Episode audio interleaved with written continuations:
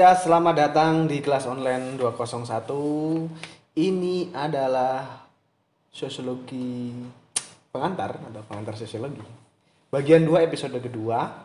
Di sini kita akan membahas tentang syarat dan ciri kelompok sosial.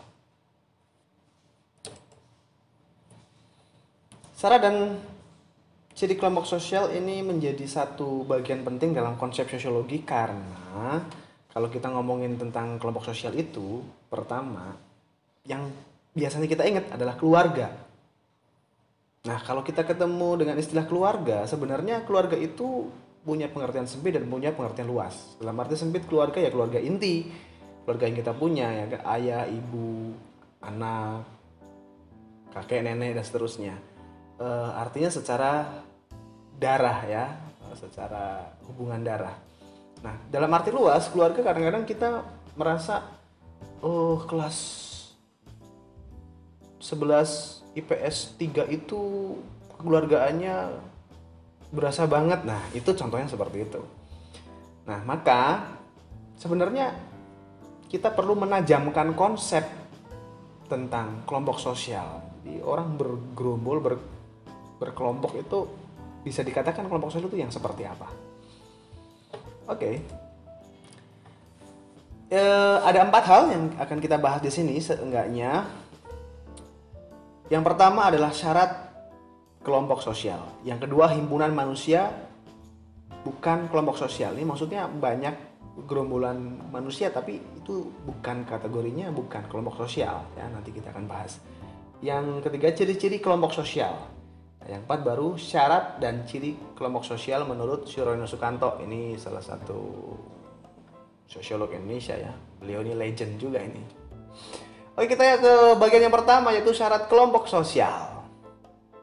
Nah, menurut Merton, dia seorang sosiolog Amerika yang menjelaskan bahwasannya sebuah himpunan satu himpunan manusia itu bisa dikatakan kelompok sosial jika yang pertama memiliki pola interaksi. Sederhananya, maksudnya itu kayak punya ciri khas. Nah, misalkan, oh itu yang pakai baju itu ya anak sekolahan A gitu, atau anak sekolahan e, dari daerah ini ya, misalnya begitu. E, misalkan kalau misalkan seperti gambar di sini ada girl band ya kan. Oh, kalau ciri khasnya tuh kalau girl band ini musiknya seperti ini.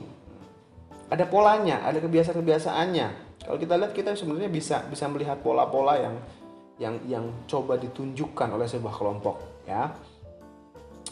Nah, ini biasanya diawali dengan kebiasaan-kebiasaan. Hmm, kebiasaan-kebiasaan ini ya kebiasaan-kebiasaan sehari-hari sih awalnya ya. Sampai akhirnya kalau pengen bikin kelompok yang serius ya contohnya misalkan bikin uh, girl band atau boy band misalkan seperti itu. Nah, ini kemudian dari kebiasaan latihan bareng, ngumpul bareng dan punya goal atau tujuan bareng akhirnya mereka punya satu ciri khas ya, punya pola yang bisa dikenali ya. Begitu. Yang kedua, pihak yang berinteraksi mendefinisikan dirinya sebagai anggota kelompok tersebut. Nah, maksudnya di sini kalau kamu mengakui bahwa kamu adalah seorang anak dari keluarga A misalnya, dan anggota keluargamu juga mengakui kamu sebagai bagian dari mereka, maka fix kamu berada di suatu kelompok sosial. Dalam berteman juga gitu, ya kecuali yang suka halu. Jangan seakan-akan tuh kamu tuh mengimitasi, oh, aku tuh aku, aku tuh seperti uh, membernya Blackpink ya, misalkan seperti itu. Oh, aku seperti membernya uh, apa itu? BTS ya, BTS atau BTS itu Nah jadi kalian akan menirunya, berdandannya, berlagaknya, ngedance-nya dan seterusnya ya. Itu itu itu bukan kelompok. Kamu berserta Blackpink bukan kelompok. Nanti itu ada bahasanya sendiri. Itu untuk membedakan ya. Jadi jangan karena kamu berdandan bahkan operasi plastik seperti Black salah satu member Blackpink terus kamu mengaku-ngaku kamu adalah member Blackpink. Nggak bisa seperti itu ya. Yang ketiga, Pihak yang berinteraksi didefinisikan oleh orang lain sebagai anggota kelompok. Artinya tadi ya satu paket ini. Yang kedua dan ketiga harus mengakui diri. Aku tuh adalah bagian dari kamu. Kamu adalah bagian dari aku. Gitu. Oke, itu menurut Merton ya. Jadi eh, satu himpunan manusia bisa dikatakan kelompok sosial kalau ada tiga hal itu, ya. Selanjutnya kita akan ke himpunan manusia yang bukan kelompok sosial ini untuk membedakan sebenarnya kerumunan itu yang seperti apa. Nah, yang pertama, kalau kita ngomong kerumunan adalah sejumlah orang berada di suatu tempat karena uh, karena sesuatu yang menarik perhatian. Ya, misalnya kamu uh, di jalan tuh tiba-tiba ada uang jatuh terus semua berkerumun misalkan begitu, ya. Nah, itu jadi satu satu konsep yang hmm, apa ya? yang bisa buat ngeprank juga, ya kan? Itu bersifatnya spontan dan tidak terduga. Itu namanya kerumunan ya. Jadi nggak bisa kalau ada orang kerumun misalkan eh, mohon maaf misalkan ada yang melihat kejadian kecelakaan atau apa. Itu namanya kerumunan. Yang kedua adalah kolektiva ini adalah sejumlah orang yang mempunyai solidaritas berdasarkan nilai bersama serta memiliki kewajiban moral untuk menjalankan peran yang diharapkan. Di dalam kolektiva tidak harus saling berinteraksi. Contohnya begini. Misalkan kak uh, misalkan kamu tuh kan siswa di Bandung misalkan nih. Siswa SMA uh, eh, SMA Negeri 2 Bandung. Hmm, kelas 11 misalkan seperti itu. Nah kamu misalkan dengan eh, SMA swasta misalkan SMA BPK Penabur ya sama-sama siswa di satu wilayah yang sama kalian punya peran dan punya punya status yang sama jadi kalian bisa digolongkan sebagai kolektiva. Jadi siswa di Jawa Barat, nah isinya ya kamu misalkan di SMA BK Penabur, kemudian ada SMA uh, eh, siswa di SMA Negeri uh, dua Bandung, ada di SMA Negeri 1 Tasikmalaya, misalkan seperti itu. Ya, itu kolektiva. Jadi nggak kalian nggak harus kenal sama mereka, tapi sebenarnya kalian satu satu kelompok. Ya. Misalkan seperti itu. Itu contoh nyatanya ya kalau kolektiva. Yang ketiga kategori sosial. Nah, ini contohnya himpunan peran yang mempunyai ciri sama. Ini baku ya misalnya. Itu jenis kelamin, usia, apa lagi? Angkatan misalkan gitu. Nah, jenis kelamin ini kalau ngomong jenis kelamin sekarang lagi ada banyak kontroversi ya karena kita mengenal isu-isu sosial khususnya terkait dengan LGBT itu sudah mulai naik. Nah, nanti kapan-kapan kita bisa bahas ya LGBT itu seperti apa sih. Oke, kemudian yang keempat publik. Publik adalah kumpulan manusia yang memiliki perhatian pada hal yang sama, tidak berkumpul di satu tempat. Dan ini ya tidak tidak berhubungan secara langsung ya. Publik itu ya masyarakat luas lah ya, masyarakat umum gitu aja. Eh kalau zaman sekarang itu misalkan netizen Indonesia ya, netizen plus 62, netizen atau warga Instagram, warga Twitter itu bisa dikatakan publik ya. Mereka tidak tidak harus langsung tidak harus berkumpul satu tempat yang sama, tidak harus juga tidak wajib juga berinteraksi gitu. Tapi mereka punya perhatian yang sama, maka kita kenal dengan namanya trending gitu, trending topik misalkan seperti itu. Nah, itu hasil dari publik yang membicarakan. Ya. Oh, hari ini publik atau masyarakat luas ini membicarakan apa? Itu akan muncul trending topik namanya. Oke. Okay itu adalah konsep dasar yang berbeda dengan kelompok sosial. Kemudian kita kembali ke kelompok sosial itu sendiri yaitu punya ciri-ciri setidaknya lima. Satu, suatu kesat eh, satu kesatuan yang nyata dapat dikenali dan dapat dibedakan. Oke, jadi ini harus nyata, dapat dikenali, jangan cuma angan-angan. Kurangi halu untuk menambah IQ ya. jangan terlalu halu ya. Halu terus kemudian berusaha untuk mewujudkannya namanya cita-cita tapi kalau halu hanya sebatas halu yang kedua tiap anggota kelompok merasa memiliki kepentingan yang sama artinya kayak punya sesuatu yang sama nih nah ini uh, seperti punya nilai hidup bareng-bareng nih kalau kita kalau kita pengen hidup bareng tuh kita harus kayak gini nih ya misalkan gitu nah, kita tuh harus rukun kalau kalau pengen hidup bareng ya apa yang patut kita pertahankan? Apa yang patut kita perjuangkan bareng?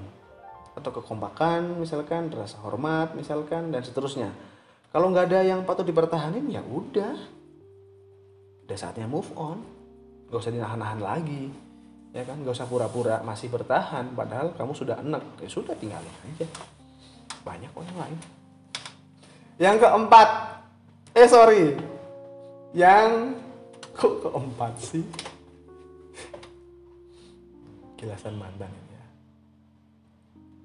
Yang ketiga, kelompok sosial tersebut memiliki struktur sosial ya, sebab di dalamnya terdapat individu-individu yang saling berhubungan berdasarkan status dan peran. Maksudnya punya susunan. Oke. Okay? Nah, ini yang ketiga ini biasanya hmm, di antara status dan peranmu ini bisa dipertanggungjawabkan nggak nih khususnya kamu sama dia yang memenuhi saling memenuhi nggak saling saling saling berbagi nggak saling saling memberikan uh, positif vibe nggak gitu di sana bakal ada kebahagiaan. Ya statusnya sih temen cuman ya tiap hari dicurhatin terus dimintain tolong terus dicat terus ya eh tahu-tahu jadian sama orang lain. Ya kadang-kadang uh, temenan tuh selucu itu ya. Itu bukan lucu kejam. Yang keempat tiap anggota kelompok sosial memiliki peran-peran yang berbeda ya, ini harus punya peran yang berbeda ya masa perannya sama ya kan? Kadang-kadang di sinilah uh, muncul harapan-harapan peran ya. Kita kepada teman kita ke keluarga kita ke saudara kita itu kadang kita kita mengharapkan peran yang sesuai gitu. Kamu kan temanku ya harusnya kamu ngertiin dong. Kamu ini kan cowokku kamunya kamu tuh harusnya ngertiin aku dong.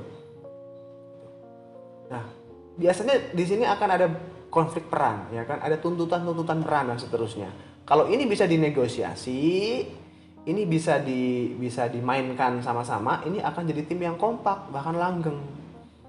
Siapa yang pengen langgeng? Ya kan? Capek nggak sih harus gonta ganti terus? Capek.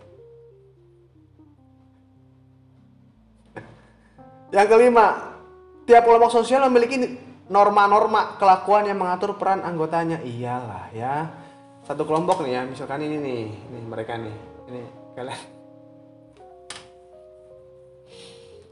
kalian bisa lihat di sini ya ini adalah uh, keluarga yang cukup fenomenal dan uh, berasa ini kalian kenal lah ya kan?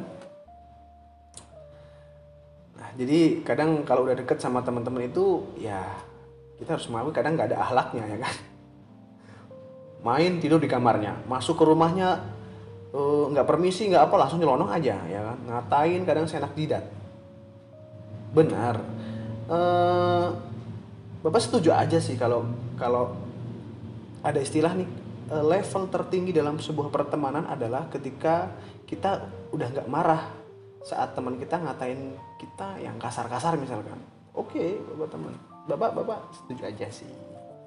Tapi ingat satu hal. Kita nggak pernah tahu sebenar-benarnya hati orang. Dia sakit hati atau enggak dan ada baiknya bertemanlah dengan baik dan perlakuan serta tutur kata juga yang baik juga ya. Jangan jangan kau goreskan luka yang makin saja akan yang mungkin saja ya akan sembuhnya lama. Walaupun kamu hanya sebatas bercanda bakal ada orang-orang yang inget terus gitu. kamu akan bercandain misalkan cowok-cowok nih biasanya nih ya. Kamu uh, biasanya yang cowok-cowok nih kamu bilang ke teman cewekmu kamu cantik hari ini. Tapi kamu sebenarnya bercanda. Itu itu berbekas banget loh ya. Dan itu sampai rumah itu berbunga-bunga loh si cewek itu. Dan dan di hari kemudian kamu jalan sama sahabatnya yang barusan hari kemarin kamu bilang dia cantik. Kamu nyakitin ya? Oke selanjutnya e, di bagian terakhir ada himpunan manusia dapat dikatakan sebagai kelompok sosial. Ini menurut Profesor Suryono Sukanto yang pertama adanya kesadaran. Ya sadar sebagai bagian dari kelompok yang bersangkutan. Artinya ini ya kamu harus sadar kalau kamu ini siapanya dia siapanya mereka. Jangan demi kesenanganmu kamu pura-pura nggak sadar kalau ternyata orang yang tiap hari kamu chat itu cuma sebatas teman. Jangan anggap lebih. Itu udah nyakitin. ya, artinya kamu sadar loh. Kamu tuh sering chat sama dia sering curhat sama dia sering sering minta tolong sama dia sering minta ditemenin sama dia. Kamu sebenarnya sadar nggak sih? Kamu tuh sedang sedang menumbuhkan rasa untuk bersatu dalam sebuah kelompok. Yang kedua ada hubungan timbal balik antara kelompok yang satu dengan kelompok yang lain ya. antara anggota yang satu dengan anggota yang lain. Ya, I'm sorry ini maksudnya ini ya kita harus punya timbal balik lah. Hmm, zaman sekarang ini yang harus kita akuin kadang-kadang cari yang tulus itu susah ya banyaknya modus gitu. Tapi seenggaknya ya kalau saling terbuka malah bisa jadi melahirkan kerjasama yang enak ya kan? E, artinya aku temenan sama kamu tuh ya karena aku tuh butuh kamu tuh untuk misalkan ngerjain tugas misalkan. Ya sudah gitu. Tapi saling benar-benar uh, saling memberikan yang terbaik. Itu malah jadi tim yang bagus ya. Jangan pura-pura baik pura-pura lugu pura-pura terbuka. Eh ternyata nusuk dari belakang. Yang ketiga adanya suatu faktor pengikat yang dimiliki bersama. Faktor pengikat itu biasanya kayak tujuan yang sama ideologi politik yang sama dan sebagainya. Ini maksudnya kayak hobi yang sama misalkan. Kamu seperti itu ya. Ini ini ini penting. Ya. Menemukan sesuatu yang sama bukan berarti semuanya harus sama seragam. Enggak, enggak, enggak seperti itu. Ya, uh, kamu temenan sama teman-temanmu sekelas misalkan, mereka pasti akan ada derajat yang berbeda. Ada yang ada yang dekat banget sama kamu, ada yang biasa aja, ada yang memang nggak pernah nyapa juga nggak pernah itu kan ada ya.